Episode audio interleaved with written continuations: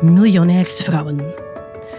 De taboe doorbrekende podcast waarin ik, Katrien van de Water, high-end business mentor, in gesprek ga met succesvolle onderneemsters over hun werk, hun leven en het pad naar 1 miljoen. Zelf ben ik miljonair sinds mijn 45ste en ik ontdekte dat er vele wegen naar Rome leiden. Ik neem je graag mee op reis. Het is mijn intentie om van overvloed het nieuwe normaal te maken.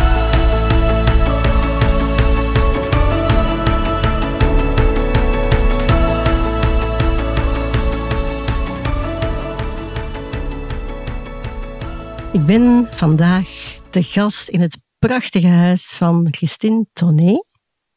Ik heb het gevoel dat ik al een hele reis gemaakt heb. Vlaanderen is zo mooi. Ik ben op plekken gekomen waar ik anders nooit kom. Christine, wie ben jij? Wat doe jij?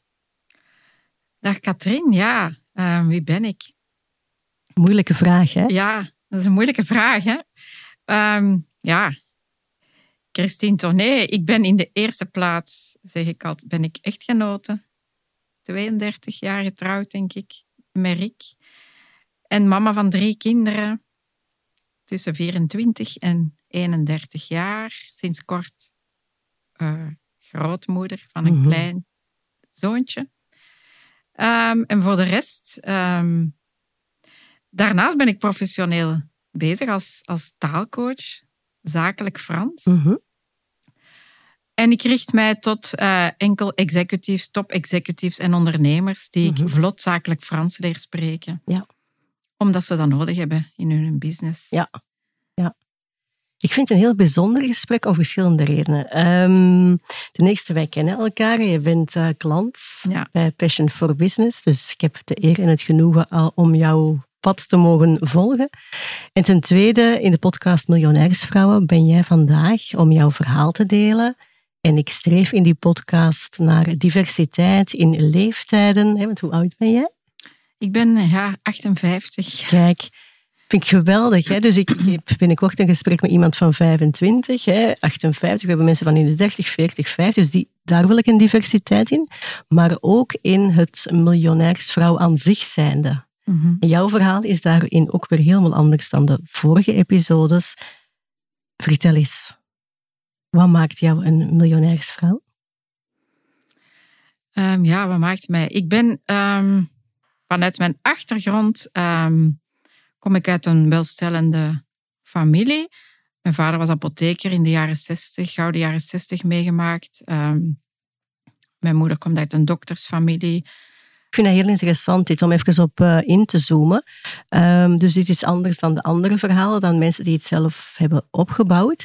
Um, ik hoor jou zeggen, ik kom uit een welstellende familie. Je ging naar school, je bent opgegroeid in Deurne, dacht ik. Ja, in Antwerpen. In Antwerpen, ja. De school waar jij ging, waren daar allemaal kinderen van? Ja, ja, dat was een, ik was op school in een, uh, een school van allemaal zeer welstellende mensen. Ik werd wel omringd ja. daardoor. Dus dat is eigenlijk iets wat ik al gewoon ben vanuit. Heel mijn leven. Ik zat Ja. in de klas met kinderen die nog veel vermogender waren dan, dan wij. Ja. Want wij leefden wel vrij bescheiden en, en ehm, wij deden geen verre reizen. Uh, in mijn klas deden ze allemaal verre reizen. Uh, dat deden wij niet. Mhm. Mijn ouders, wij hadden het wel goed. Materieel kwamen we echt niks tekort. We kregen alles wat we nodig hadden. En we hadden wel een buitenverblijf. Ehm, trouwens, in Pullen. Ja. Dicht bij mijn Dat roots, kent, ja. Ja, ja, ja, ja. En dus... ehm, maar voor de rest leefden wij niet echt uh, super. Wij gingen het niet uit, om zo te zeggen. En wij werden wel opgevoed om, om daarin bescheiden te zijn. Wist Ehm, jij als kind, want dat vroeg ik mij dus ja, in, in, naar, naar hier rijden. Ik, ik zit altijd mij al eh, eh, voor te bereiden en in te tunen op, op Mhm. dit gesprek. Ik vroeg mij af, hoe moet dat zijn? Want als kind vind je wat je thuis en dicht rondom jou ziet normaal. Hè? ja. Ook dan zeker als je in een school zit waar, dat er, waar dat je niet de enige bent. Hè? Waar dat het dus eigenlijk de norm is om een welstellende familie te komen. Wist je als kind dat er nog een andere wereld was dan de wereld die jij kende? Ehm, ja, dat is een goede vraag. Ehm, Ja, dat wel. Mijn ouders, die, ehm, die waren heel ehm, gul naar anderen toe. Die hebben altijd enorm veel aan goede doelen gegeven. Prachtig, ja.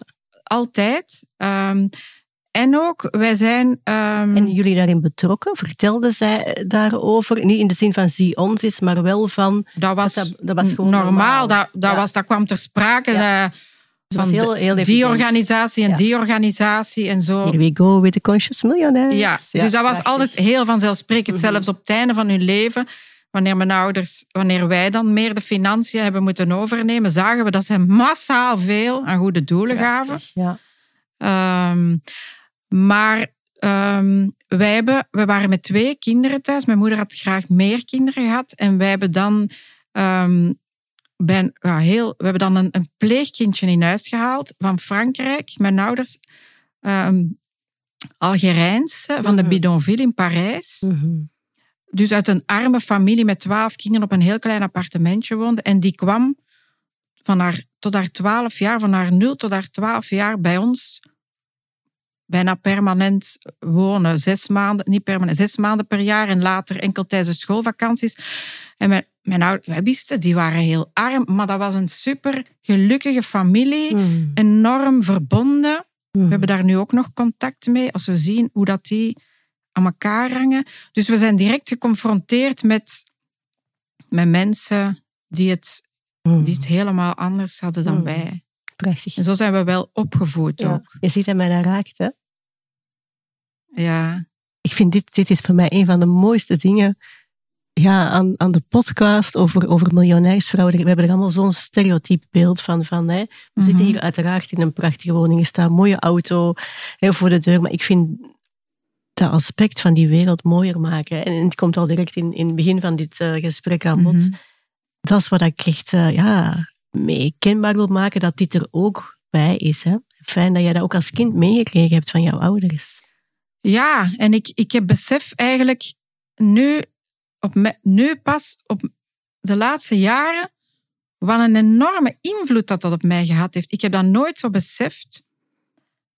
Het, ja, het, ze, komt uit, ze kwam uit Parijs, Fadila heet ze. En het is ook da- door haar dat mijn passie voor Frans ontstaan is, waar dat mijn, dus mijn business Dus is. zij heeft jou ook heel veel gegeven. Wat dat mijn studies geweest zijn. Ze heeft mij heel, ik heb heel veel geleerd van haar. eh, over hoe dat je in het leven moest staan. Dat was een, een vrij... iemand met een sterk karakter. Twee, we liepen samen in de kamer. En, en ja, hoe, hoe dat zij naar dingen keek. Wij waren dan eigenlijk verwende, verwende nesten. Alhoewel... Ja, we waren materieel niet super verwend. Maar ik vond, achteraf gezien, emotioneel werden we te veel verwend. En Hoe zij... je?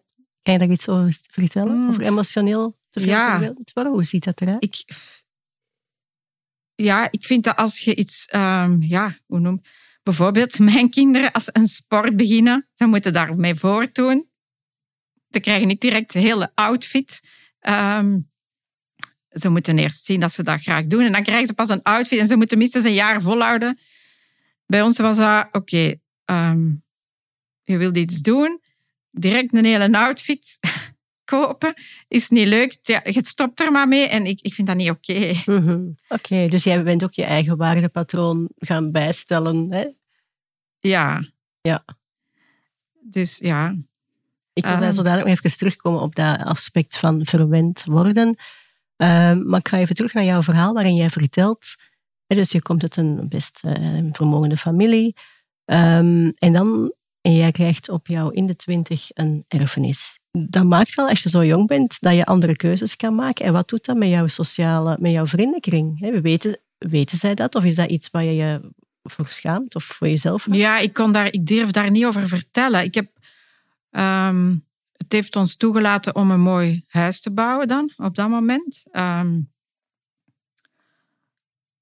mijn ouders die hebben ook mondjesmaat al wel delen van hun vermogen weggeschonken aan ons. Maar ik zag het op dat moment, of een paar jaar daarna, toch als een vergiftigd geschenk. Vertel eens. Ehm, oh, ik had toen, ik, ja, ik ben ook opgevoed met het idee van als meisje, als vrouw, ehm, houd je maar klein en je moet niet gaan werken. Je moet dat zien, 30 jaar geleden, Hmm. toen waren er nog... waren, was, was al in de minderheid, maar er, ik, ik, had, ik, had, ik had nog vriendinnen in mijn omgeving die ook niet gingen werken. Ehm, maar toch waren we al redelijk wat paria's op dat moment. Ehm, dus, mm, ik, dus dat zat in mijn opvoeding, eh, moet niet gaan werken. Dus ik, ik dacht, ja, ik heb dat nu, oké, ik hoef niet te gaan werken. Mhm. Ehm, maar dat maakte mij super ongelukkig van niet te gaan werken, van alleen maar bij de kinderen te zijn. Mhm. Dat, dat maakte mij absoluut niet gelukkig. Dus, en ook het feit ja, dat ik daar niet over kon, vert- kon over vertellen. Ehm, dat konden ze dan wel zien aan het huis dat we dan gebouwd hebben. Maar voor de rest, nee, ik kon daar echt niet over praten. Dat durf ik niet. Mhm. En toch zit je hier vandaag in de podcast Miljonairsvrouwen. Wat is er voor jou nu anders dan toen? Oh, ja, wat er nu anders is. In de zin dat je zegt, bedoel, je wilt je verhaal doen. Hè? Ja. In een taboe doorbrekende podcast. Ja, zeker. En ik, voor mij is er het taboe op ten eerste van ehm, geld alleen maakt niet gelukkig. Dat dat, als dat een doel op zich is, is dat absoluut niet eh, waar het leven om draait. Mhm. Dus geld maakt niet gelukkig. Mijn moeder zei altijd, dat was, en dat had ze van mijn grootvader, geld heb je nodig om gelukkig te zijn, maar alleen geld maakt je niet gelukkig. Ja, Ehm, Wijze lessen, hè? ja dus En jouw grootvader, dus zit al generaties. Hè? En zo, zo ben ik wel opgevoed. ehm. en ehm, wat er nu anders is, dat is.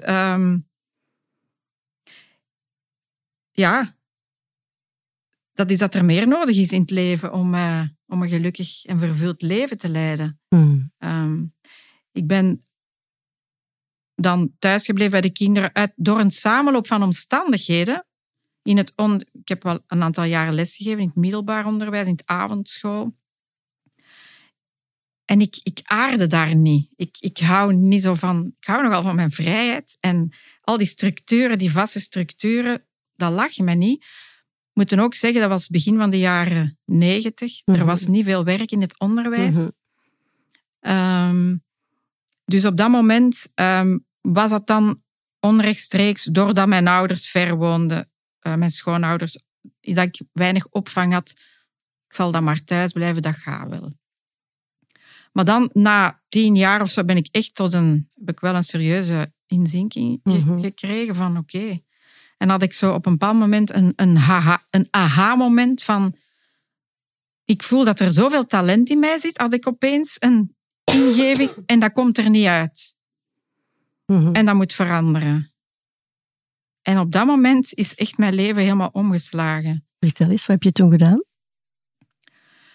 Ehm, wat ik toen gedaan heb, in de eerste plaats, ehm, ik vind nog altijd de, tijd om met mijn kinderen door te brengen, en toen ook al, die vond ik superbelangrijk. Mhm. Maar ik wilde daarnaast nog iets gaan doen. Ik wilde, dus ik ben beginnen, ten eerste ben ik begonnen aan een lang pad van persoonlijke ontwikkeling. Alle mogelijke cursussen, boeken gelezen, cursussen gevolgd. Ehm, mindfulness, eh, assertiviteit, ehm, ja, noem het zelfzorg, alles, noem het op. En ik heb het gedaan.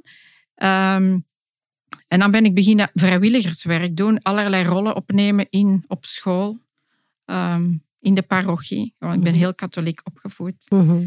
Verantwoordelijkheden. ehm, ik ben voorzitter van de schoolraad geweest, ondervoorzitter van de oude raad en zo. En daar heb ik dan gemerkt, wow, ik vind dat leuk. Mhm. En ik kan dat wel. Dus dat heeft mij dan gesterkt ehm, op een bepaald moment om te zeggen van oké, maar nu, nu is het genoeg met al dat vrijwilligerswerk. Ik Ja. wil iets gaan doen met mijn studies. Mhm. Dat, was, dat gevoel had ik. En dan ben ik dus professioneel terug begonnen. En in welke vorm? Want je had al gezegd, ja, het gewone onderwijs en avondscholen was niks. Nee. Dan ook toevallig is op mijn pad gekomen. ehm, in, een, in bedrijven ben ik dan beginnen lesgeven ehm, als freelancer. Oké. Dat was dan een, een vorm die mij wel lag. Ehm, je krijgt opdrachten, je neemt die aan of je neemt die niet aan. Mhm. En ja, en ik kon dus mijn aantal uren kiezen Mhm. dat ik, zou, dat ik les gaf. En ik, ik kon dus voldoende tijd bij mijn kinderen blijven, wat ik heel belangrijk vond om er na vier uur zeker te zijn. Waar dat ik weinig begrip voor kreeg vanuit de, de school waar ik aan verbonden was. Mhm. Ehm, ik verdiende daar ook absoluut niet veel. Maar ik, ben dat, ik heb daar enorm veel geleerd. En dus ik, op, die, op die manier kon ik dat wel combineren. En, Ja. en was dat echt een verrijking, omdat ik, vind, ik ben heel erg geïnteresseerd in, in heel veel dingen. Mhm. En ik kwam in zoveel bedrijven en, en sectoren en kwam ik allemaal verschillende mensen tegen. En ik vond dat super boeiend. Ja. Al die verschillende profielen en sectoren, ja, echt heel boeiend. Mhm. Dus er ging een nieuwe wereld Er voor ging jou een nieuwe wereld voor mij Naast open. het thuis zijn met de kinderen, wat je ook vanuit je hart met veel plezier deed. Hè?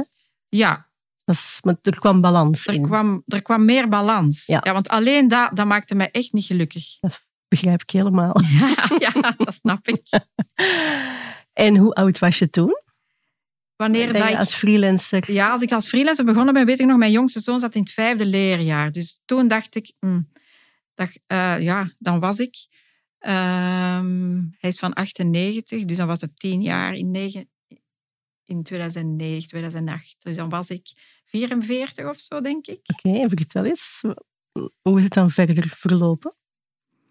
Ehm, ik heb dat dan, ik heb dat tien jaar gedaan uiteindelijk. Mhm. En eh, ik heb daar heel veel geleerd, gezien. Eh, ik kreeg wel een bepaalde manier dat ik dat moest aanpakken, die lessen. En ik werkte daar met mensen die... Langs de ene kant waren er mensen bij die gemotiveerd waren, maar ik werkte ook met heel veel mensen die totaal niet gemotiveerd waren.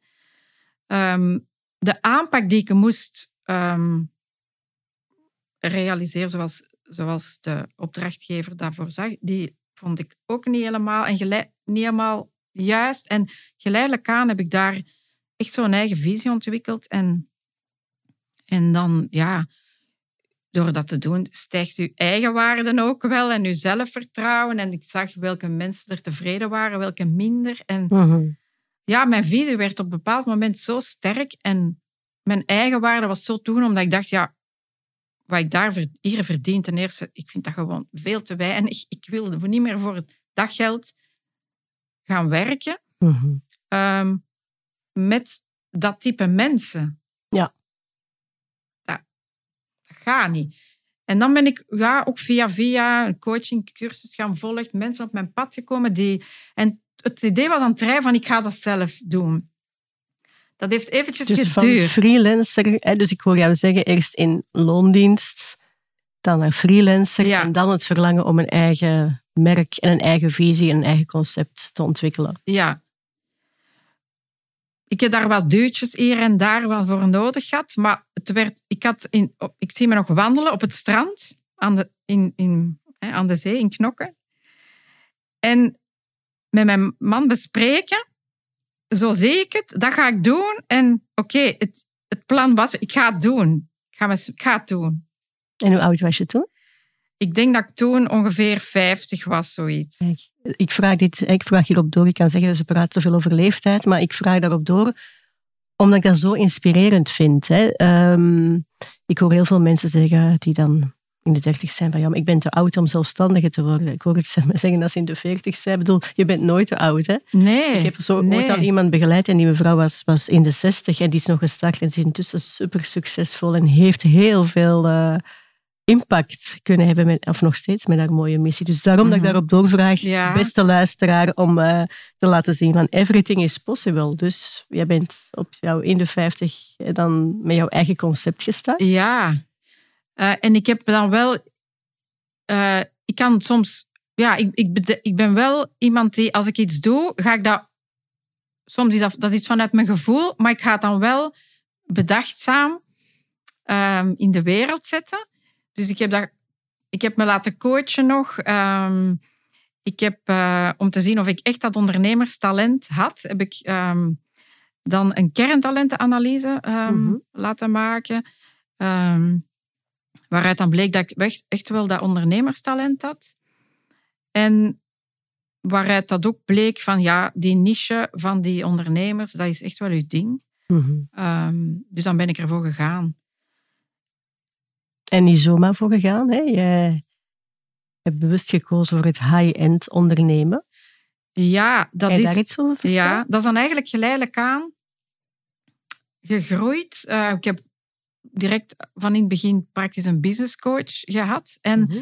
via die kerntalenten was eigenlijk ook naar boven gekomen, tot mijn grote verbazing, dat ik, dat ik hoogbegaafd ben. Wat ik Mhm. nooit van mezelf gedacht had. Ik was wel altijd... Ja, ik was wel de eerste van de klas altijd. Mhm. Maar aan de, aan de universiteit, nee, had ik nooit geen onders, had ik alleen maar het laatste jaar onderscheiding. Dus, maar ik studeerde niet superveel, dus dat ging wel allemaal goed. Nooit tweede zit gehad. Ehm, maar dat was echt een openbaring. En op dat moment, en ik merk nu met dat, naar dat HN te gaan, dat is als vanzelf gegroeid. Ik voel dat al mijn talenten hier samenkomen. Die, ik ben daarnaast ook hoogsensitief en, en, en ik, ik, ben, ik ben heel intuïtief. En Mhm. ik wil daar ook maar met een beperkt aantal mensen, bepaald beperkt aantal klanten werken, omdat, omdat ik, ja, ik heb ook veel lege agendaruimte nodig om, om te kunnen Mhm. alles verwerken. En dat is de high-end. Ik kan daar echt al mijn talenten, ik kan op hoog niveau meespelen met mijn klanten. Mhm. Want Want jouw dat- doelgroep zijn dus CEO's. Mijn doelgroep zijn CEO's ja, Ja, en executives. Ja. En ehm, vroeger dacht ik, "Wa- hm, dat ga ik nooit kunnen. Maar door, ik voel dat ik helemaal op dat niveau mee kan spelen. Mhm. Ehm, en ik vind dat super uitdagend. Ik, vind dat, ik, ik hou van uitdagingen. Als het te routineus wordt en te saai, dan, dan hoef ik het niet meer. Dus Mhm. dit is elke keer en elke klant een nieuwe uitdaging en een nieuwe, een nieuwe sector. Een nieuw, ik vind dat super boeiend. Dat Mhm. houdt mij scherp. En dus ik, voor mij is de cirkel nu helemaal rond. Ik, Mhm. dat, alles valt zo samen. Mhm. Voor de mensen die luisteren, die het begrip high-end ondernemen niet kennen, hoe zou jij dat uitleggen? Hoe zou ik dat uitleggen? Ehm High-end is uw klant ehm, op een heel hoog niveau bedienen. Mhm. Ehm, is werken, is uw klant echt ehm, maximale waarde bieden. Mhm. Al wat die klant nodig heeft en niet meer dan dat. En in zo weinig mogelijk tijd, Mhm. maar wel met een groot engagement vanwege de klant. Ehm, en ook van de coach natuurlijk. Mhm. Waardoor dat er echt wel heel mooie resultaten kunnen gehaald worden. Omdat je echt op, op hoog niveau allebei Mhm. speelt. Ja. Ja. Zo zie ik high-end. Ja. Daar hangt een prijskaartje aan vast. Maar dat is omdat je omdat het engagement en de, de droom en de, moet, moet hoog zijn. Mhm. En de doelgroep heb jij, bedoel, jij doet dat niet met, met schoolverlaters, met alle respect voor schoolverlaters, jij Ja, werkt met CEO's. Dus dat is ook een, duidelijke, een duidelijk onderdeel van high-end, van heel duidelijk een niche te kiezen. hè? ja, Ik hoor jou onlangs zeggen, ehm, tijdens een groepsdag die we hadden met eh, andere klanten, ja, ik heb mezelf buiten de markt geprijsd. ja. Ik vond dat een geweldige zin. Kan je daar iets over zeggen? Jij zei, ik heb mezelf buiten de markt geprijsd en ik heb een wachtlijst. Ja, dat klopt. Ehm, ja, ik zie mezelf. Ja, ik zie mezelf als een pionier. Mhm. En ik heb onlangs, want ik heb jou dat ook horen vertellen en ik ben daarover beginnen nadenken. Ik, ik, heb, ehm, ik denk dat dat in mijn familie zit. mijn grootvader was ook pionier, die was de eerste kinderarts in België, in Vlaanderen. Ja. In Vla in Wallonië weet ik niet, in Vlaanderen. Daar kwamen ze van heinde en ver naartoe. Mijn moeder, ik dacht het heeft een generatie overgeslagen, maar mijn moeder was in zekere zin ook, denk ik, pionier, want die, die was als vrouw, die had die heel hoge verantwoordelijke rollen in de kerk, in haar vrijwilligerswerk, eh, in de parochie. Ja. Als vrouw in de jaren zeventig, moet je inbeelden, dat is niet evident. Mhm. Dus dat is, ik zie dat dan ook wel een beetje als pionier. Absoluut. Ehm, ikzelf, er is eigenlijk niemand die doet wat ik doe in, in Vlaanderen, dan, bij mijn weten. Ehm, dus in die zin heb ik mezelf buiten de markt geprijsd. Maar ook Wat- met jouw tarieven, hè? En met mijn tarieven. En dat is ook typisch aan high-end, van niet Ja. uurtje factuurtje, maar je verkoopt een programma, een traject, programma, een, echt een ja. transformatiereis Ja, dat, en ook wel veel meer inhoud dan enkel een aantal uren coaching. Hè. Dat is, daar zit zoveel meer bij. Hmm. Eh, dat is een heel samenhangend pakket. Ja. Dus daar heb ik mij wel uit de markt geprijsd. En, ik wil toch je nog... hebt- en je hebt een wachtlijst. Hè? En ik heb een wachtlijst, ja. ik heb een wachtlijst. Ik, ja, tot hiertoe. Ik kan maar nieuwe klanten opstarten in, in mei. Hebben ze nu net Valentijn gepasseerd, hè? Jij wilde nog iets zeggen. Ja, ik wil ook nog even toevoegen dat ik ook fier ben op mijn zoon, die ook pionier is. Geweldig. Die eh, heeft tijdens zijn studies burgerlijk ingenieur ook een bedrijf opgericht. ehm, software in de drone, ehm drone-technologie, wat dat ook de eerste in, Vla in België was. Eh, en zelfs buiten België, denk ik. Oké, ik kom daar zo op terug. Ehm, Ja, dat wou ik nog toevoegen. ja, ja, ja, ik wil hem niet vergeten. Nee, heel mooi. Ode ook aan, eh, aan de zoon. Want ik schrijf soms ehm, ja, hè, artikels en ik, ik zeg soms, het gaat iets all about self-love, Ja. hè, het high-end ondernemen. Wat heeft die keuze jou gebracht? Ja, het is begonnen met zelfliefde, om ervoor te kiezen. Maar ik denk dat om erin te blijven, heeft het me nog, het heeft me nog veel meer zelfliefde gegeven. Ehm, en hoe uitzicht dat? omdat ik ook niet opgevoed ben in de zin van, ja, ik ben niet opgevoed van, van uzelf veel, ehm, ja, hoe dat ziet dat uit? Ehm,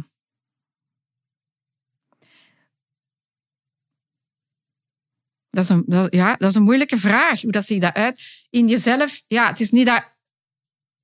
Ik kijk anders naar, naar wat ik mezelf gun nu dan vroeger. Met hetzelfde, hetzelfde, hetzelfde geld kijk ik er toch anders naar. Om mezelf ehm, mooiere dingen of mooiere, ik zeg maar mooiere locaties of mooi, mooiere reizen te gunnen of mooiere dingen. Ehm, we hebben hier nu bijvoorbeeld een zwembad gebouwd. Ehm, mijn man die wou dat nooit. maar jij wel, hè? ik wou dat al, al sinds mijn kindertijd. En ja, ik, ik zeg, ja, we moeten ons dat gewoon gunnen. Ik wil mezelf dat gunnen en ik ben daar super gelukkig mee. Ik heb Hmm. zo'n dingen. Ehm, zelfliefde ook naar durven veel meer luisteren naar mijn hart en, en dingen en nee zeggen tegen dingen. Dat uit zich op heel subtiele, in heel subtiele dingen. Niet in materiële dingen Hmm. vooral. Want materieel is er dan verder niet echt iets veranderd, maar ehm, het uitzicht in ja, durven, durven kiezen voor, voor jezelf, ehm, wanneer, je, wanneer je dat echt voelt dat dat moet. En Mhm. ook naar mijn kinderen toe bijvoorbeeld. N- nee kunnen zeggen naar mijn kind. Mijn moeder zei altijd ja als je iets vroeg. Ehm, Mhm. Ook nee en zonder schuldgevoel. Wauw. Eh, ik denk dat dat nog bijna. Het, ja, zo, het zijn echt heel subtiele kleine dingen. En durven ook uw, uw grote dromen. Groot dromen. Ik denk dat dat ook wel iets belangrijk is van. Dat mij geleerd heeft. Waar droom jij van? Waar ik van droom is. Wat ik nu doe, zeker te, te blijven doen. Met, het met top executives te mogen blijven werken. En, en ook heel erg, ja, ik wil ook het podium op. Mensen inspireren met mijn verhaal.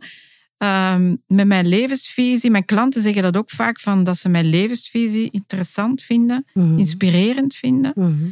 Ehm, want ja, wat ik ook nog wilde toevoegen, dat ook nog belangrijk is van, er zijn heel veel vrouwen die ik ken vanuit, de, nu spreek ik dan over de tijd van mijn, van mijn moeder, van uh, vrouwen de die... generatie. De vorige generatie, maar ook in mijn generatie. Ik noem dat de gesloten poortvrouwen. Wel eens. Die niet moeten gaan werken omdat hun, hun man voldoende verdient. Mhm. En ehm, ik ken er zo'n aantal die, ehm, als mijn kinderen jong waren, ook niet hoefden te gaan werken. Hun man verdient genoeg. Ze hebben ook een, een grote erfenis gekregen. En die daar, ja, die dan niet die drive hebben om daaruit te, om daaruit te gaan. En die superongeluk, die daar echt psychologische, Absoluut. psychiatrische problemen door gekregen hebben. Mm, Omdat ze geen doel hadden in hun leven. Ik vind, voor mij het belangrijkste is, ik moet een doel. Als ik geen doel heb in mijn leven, buiten mijn gezin, hè, want dat is mijn eerste doel, Tuurlijk. dan ben ik niet gelukkig. Mm. En ik denk dat er nog zo vrouwen zijn. Dat, ik noemde, mijn moeder zei dat al, de gesloten poortvrouwen. Al de, de schone villa-wijken waar Ja, dat je de gesloten poorten ziet. En mijn moeder, ja, wij keken daar, want wij woonden niet in zo'n chique villa. Oh, mijn moeder zegt soms moest je eens weten wat er achter die poorten zich allemaal afspeelt. Absoluut. Dat is het niet. Eh, en ik ken er nu nog die, die dan, misschien zijn ze niet ongelukkig, maar, maar ze settelen zich. Of ze daar nu super gelukkig mee zijn. Ja, sommigen wel, want ik wil niemand veroordelen. Nee, hè. nee, nee, dat hoor ik ook niet in jouw verhaal. Maar, Dat is niet mijn. maar ver- dat is niet, maar eigenlijk de boodschap die jij wil brengen is van, van eh, ten diepste trouw te zijn aan je eigen verlangen. ja, en van echt te blijven zoeken van oké, is dit nu het leven dat ik wil leiden? Mhm. Ehm, En wat ik ook mooi vind in jouw verhaal, Christine, is ik hoor je op een gegeven moment zeggen van kijk, er was hè, geld genoeg door samenloop van omstandigheden, door een erfenis en van thuis uit eh, dingen gekregen te hebben. En ik hoorde jou zeggen, en ik was thuis met mijn kinderen en ik was heel ongelukkig. Hè, dus dat je een zware periode gehad hebt. Jij hoefde niet te gaan werken voor geld, maar hè, werken, ondernemen, is voor jou een weg geweest om wel diepe vervulling ja, absoluut. te ervaren. En dat vind ik zo mooi. En ik denk dat je daar misschien niet bewust van bent, of misschien ook wel, maar welke, wat je ook je kinderen daarin meegeeft, hè, dat werken heel leuk kan zijn. Ja, ja zeker. Ehm, dat is ook wat ik onze kinderen wil meegeven van zoekt. Ze, hebben de, ze twee oudsten hebben hun pad, de jongste is nu ehm, aan het solliciteren. Dus, maar dat blijft bij de anderen ook. Van, zoekt u een job waar, dat je, waar je hart van gaat bloeien. Ehm, waar je, die je leuk vindt. Die je, en dan, dan komt ja, het geld, bij manier van spreken, ehm, vanzelf of, of veel gemakkelijker naar je toe als je Hmm. je droomleven leidt of als je doet wat je graag doet.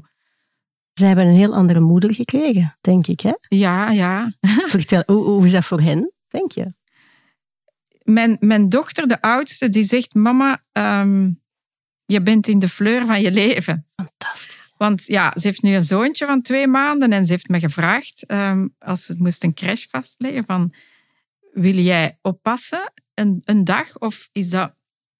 En ik heb daar heel lang moeten over nadenken. En, alleen nee, nadenken. Mijn gevoel die wist direct wat ik ging doen. Nee, maar mijn hoofd zei eh, schuldgevoel van, oh, ga ik dat nu niet doen? En ehm, zou ze dat graag hebben? En, ehm, maar uiteindelijk ga ik het niet doen. Eén vaste dag oppassen. Ik hou veel te veel van mijn vrijheid. Mhm.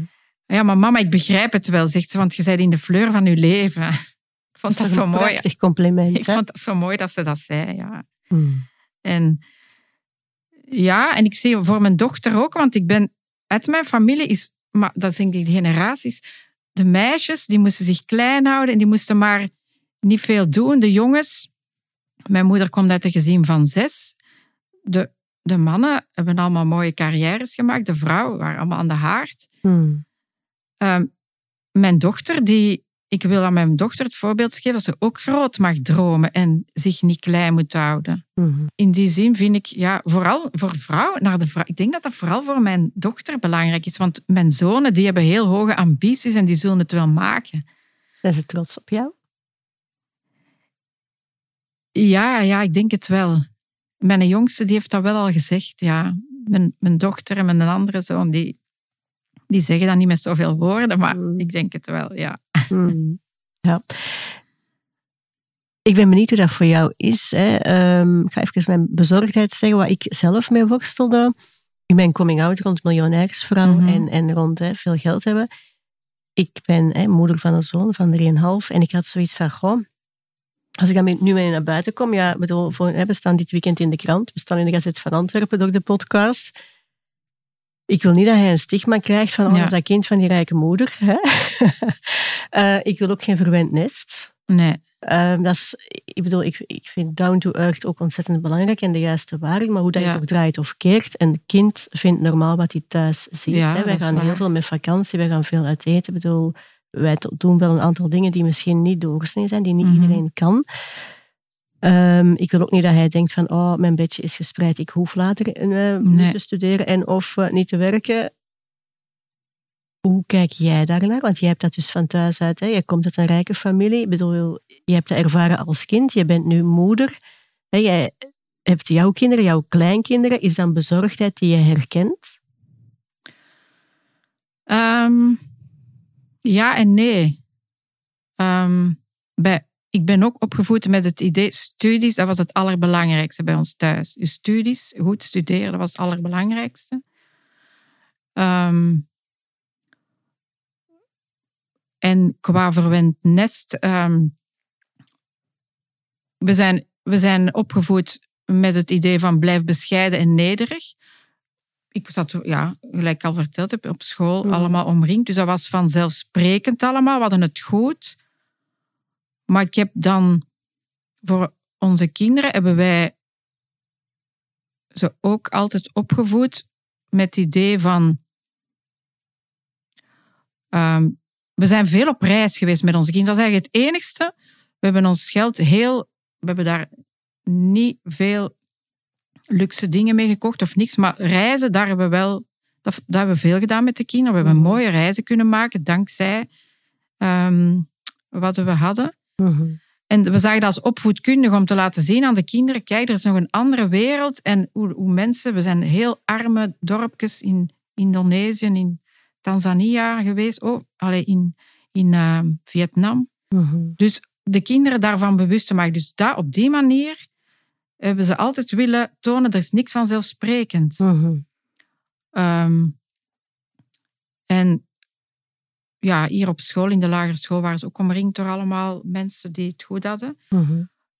Maar daarna ook, ehm, ja, ze krijgen niet zomaar alles. Het is niet bij manier van spreken, als hun iPhone kapot is, dat ze direct een nieuwe krijgen. Nee, ze moeten, dat ze moeten daarvoor sparen of ze moeten daarvoor hun spaarcenten betalen. Dat krijgen ze niet. Ze hebben wel vrienden waar dat wel zo is. Maar, en dan krijgen we reclamaties. En ik zeg, nee, dat gaat zo niet.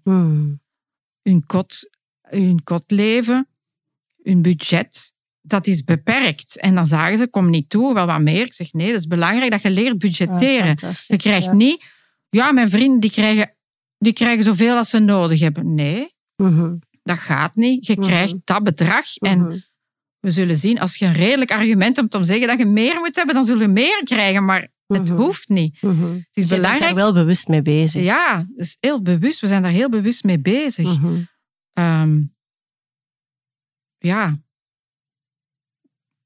Ze, komen, ze weten dat ze het goed hebben, maar ehm, we vinden niet dat, ze, dat we ze materieel verwend, verwennen en verwend hebben. Mhm. Mhm. Dat is toch de ambitie. Ik vroeg het mij af omdat ik ooit eh, op vakantie was met een vriendin en we gingen zo hiken in, eh, op een Grieks eiland. En elke dag kwamen we in een ander hotel en de laatste overnachting was in het mooiste hotel. Ze bewaren altijd dat mooiste hè, als Ja. laatste. Als marketingtruc die trouwens heel goed werkt. Mhm. En wij hadden alle twee, wij waren denk ik half de dertig en wij komen in dat hotel en we hadden echt zoiets van, wauw, Mm. echt amazing. En wij zagen dat daar heel jonge koppeltjes waren van vooraan in de twintig en die bleven daar dan een hele week. En toen hadden wij alle twee, want wij, wij trokken door de woestijn en wij gingen naar India en wij heel primitief gereisd. En wij zeiden, goh, voor hen is dit dus hun normaal op hun in de twintig Ja, zouden zij nog die verwondering hebben, hè, bedoel, die wij hadden, want we hadden in van alle soorten hotels geslapen. Dus dat, was, dat waren zo bedenkingen. Dus dat is een thema dat ik, ik vind dat heel boeiend. Hè, want ehm, ik zeg vaak van, je vindt normaal wat je thuis en Ja, ja, gezien ja. hebt. Dus, uh... Ja, die verwondering, dat zeker. Um, wij hebben, wij, we hebben prachtige reizen gedaan, maar niet dat we daar in de super de luxe, luxe hotels. Daar waren er mooie bij. Hmm. Um, maar als ze dan uh, zelf op reis hebben ze hun eigen reis, hebben ze zelf moeten betalen als ze met vrienden gingen. Kijk. Dat is niet dat wij dat zo allemaal Kijk. gingen betalen. En dan is dat, ah ja, dan moet je maar in een jeugdherberg gaan slapen. Dat, dat Voilà, dus dat kan kennen niet. ze ook. Dus ja. dat kan ook. ja, ja, ja. Ehm, nee, dat gaan we niet zeggen van hier, Ja. pak maar het chicste hotel. Nee, absoluut niet. Dat moeten ze zelf betalen. En dan zullen ze later, dan moeten ze dat ook... Hmm. Ja, dat, zelf. is, ik zit, dat zitten we op dezelfde lijn. Dat is ook hoe, dat ik, hoe dat ik mijn zoon wil opvoeden. Ja. Dat, dat waren zo dingen waar ik mij afvroeg. Van, ja, ja, goh, ja, maar Hoe, hè, hoe gaan anderen daarmee om? En, dat is waar. Ja. Nee, we, we, we willen niet dat dat vanzelfsprekend Voilà, is. Ze mogen dat niet vanzelfsprekend gaan vinden. Dat, zeg ik, dat blijf ik nu nog altijd zeggen. Besef dat je heel geprivilegeerd bent. Mhm. En dat het ook goed is om, om niet alles zomaar te krijgen. Mhm. Ik ken evengoed mensen waar de kinderen alles in de schoot geworpen krijgen tot een job bij de papa in het bedrijf toe. Maar ik vind dat dus ook niet oké. Mhm. Ik zou eerder zeggen, ga eerst ergens anders werken en, en, en zoekt u een job. En vooral voelen dat die job in dat bedrijf is wat wat past bij maar die als persoon. je geen job vindt, kom maar bij de papa werken. Nee, Mm. ik vind dat niet oké. Mhm. Dat, het gaat erom van voor wat hoort wat. En Mhm. en vooral ook die ontplooiing van zichzelf. hè. ja, dat, is- dat vind ik wel belangrijk. ja, absoluut. Maar daarnaast vinden we het ook wel belangrijk om ons, eh, om de kinderen, dat wel, dat is het aller, om, om een duwtje in de rug te geven als ze een huis willen kopen. Mhm. Ja, maar het Want is eigenlijk bijna niet meer te doen, Jongeren kunnen tegenwoordig geen huis Nee. meer kopen zonder steun van de ouders. Dat is bijna niet meer mogelijk. Absoluut. En dat is ook zoiets. Ik had over laatst een gesprek met een private banker en die vertelde net datzelfde, dat dat eigenlijk bijna niet meer Ja. te doen is. Dat ik mensen wil meegeven van wij kunnen een keuze maken voor onszelf, maar ook voor hen die na ons komen. Ik weet door de keuzes die ik in mijn ondernemerschap gemaakt heb de afgelopen 16 jaar, hè, of ik had even ook geen keuzes kunnen maken en gewoon maar wat doen. hè, Een BTB-nummer aanvragen en maar wat coachen. Nee, Ik heb het heel anders aangepakt en ik wilde het gewoon op de allerbest mogelijke manier eh, doen. Dat dat niet alleen voor mijzelf een heel ander pad geworden is, maar dat eigenlijk hè, onze Ah, kinderen, ja.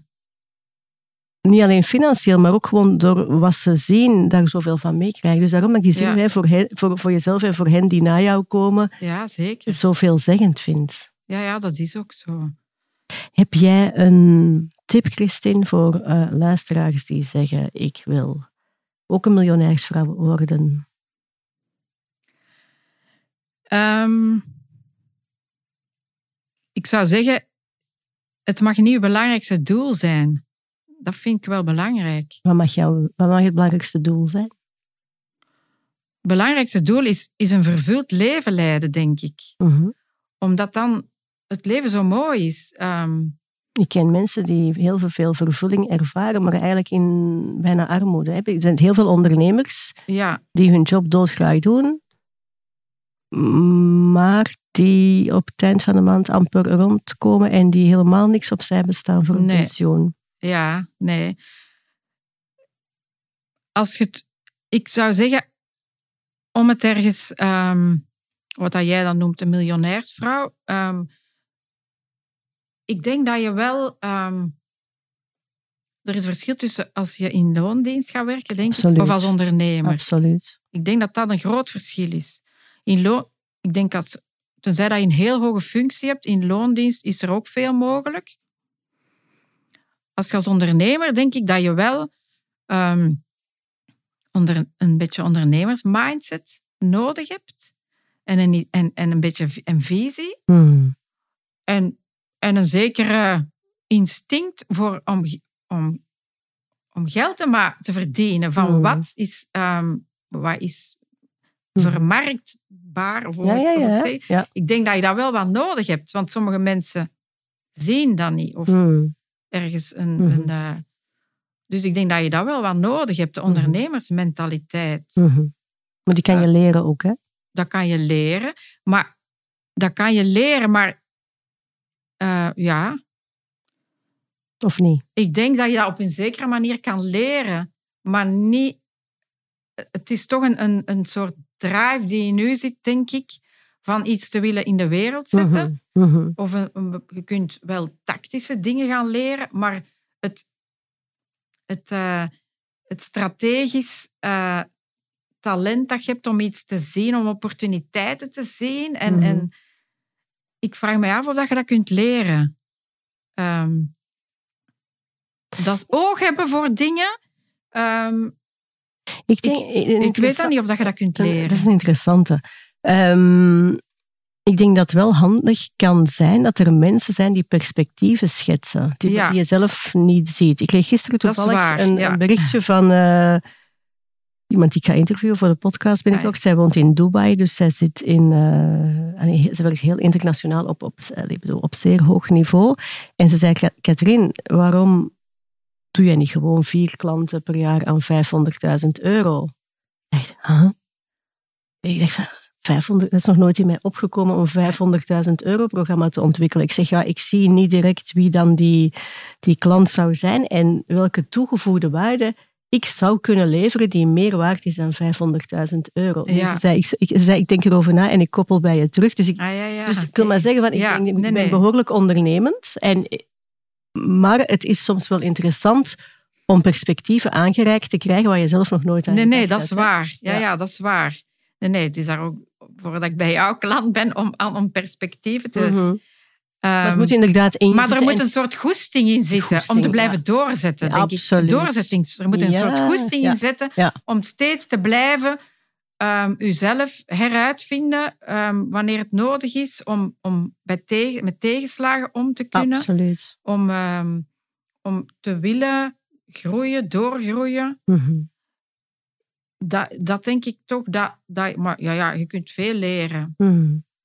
Dat is wel zo, inderdaad. Het is een Ja. beetje een, samen, Een samenloop van, hè? een samenloop. En, een, en, ja, en je geld dan goed weten te beheren ook, denk ik. Hè, daarna. Absoluut. Ja.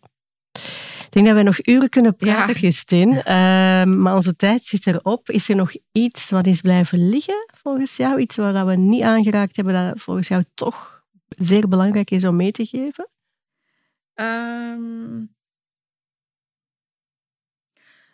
ja, misschien eventjes nadenken wat daar belangrijk is. Ik denk, er is altijd veel meer mogelijk dan je denkt. Mhm. Ehm,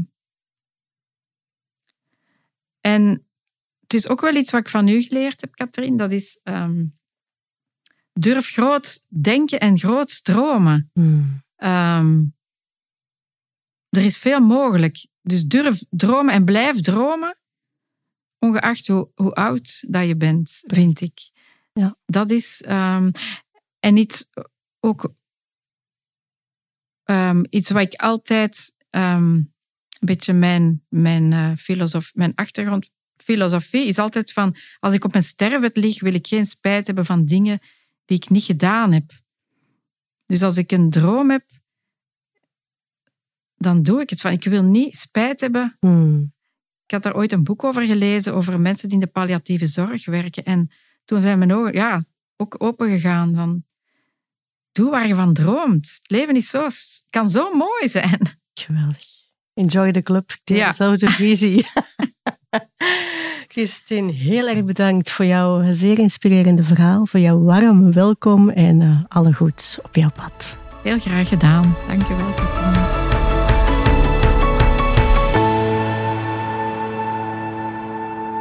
Na de opname met Christine had ik nog een heel boeiend gesprek met haar en met haar man, Rick.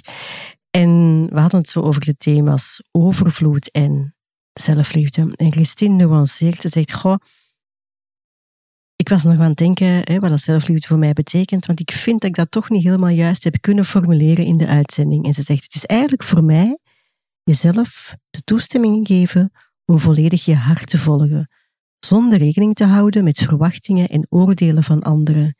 Niet vanuit egoïsme, maar liefdevol en met respect naar anderen toe. Een zeer mooie nuancering. En Christine zei nog iets wat ik de moeite vind om toch nog eh, toe te voegen aan dit verhaal. Ze zei, ik ben eigenlijk in eh, Weelde opgegroeid, maar toch ging er constant schaarste. Mijn moeder was bang voor tekort en eigenlijk heb ik dat zelf ook heel lang gehad. En Christine zei, het is pas door de coaching bij jou dat ik echt ben beginnen genieten en mezelf het beste gunnen. Ik heb daar nooit zo bij stilgestaan, dat business coaching, ik weet dat mijn business coaching heel veel effect heeft op heel veel uh, dingen in de levens van mijn klanten, maar dat ze door mijn traject leren genieten, dat vind ik fantastisch. En het was onlangs nog een andere um, klant die mij zei, mijn moeder is ook een miljonairsvrouw. Ze zijn bij jou leer ik joy, ease en abundance en dat heb ik thuis nooit ervaren.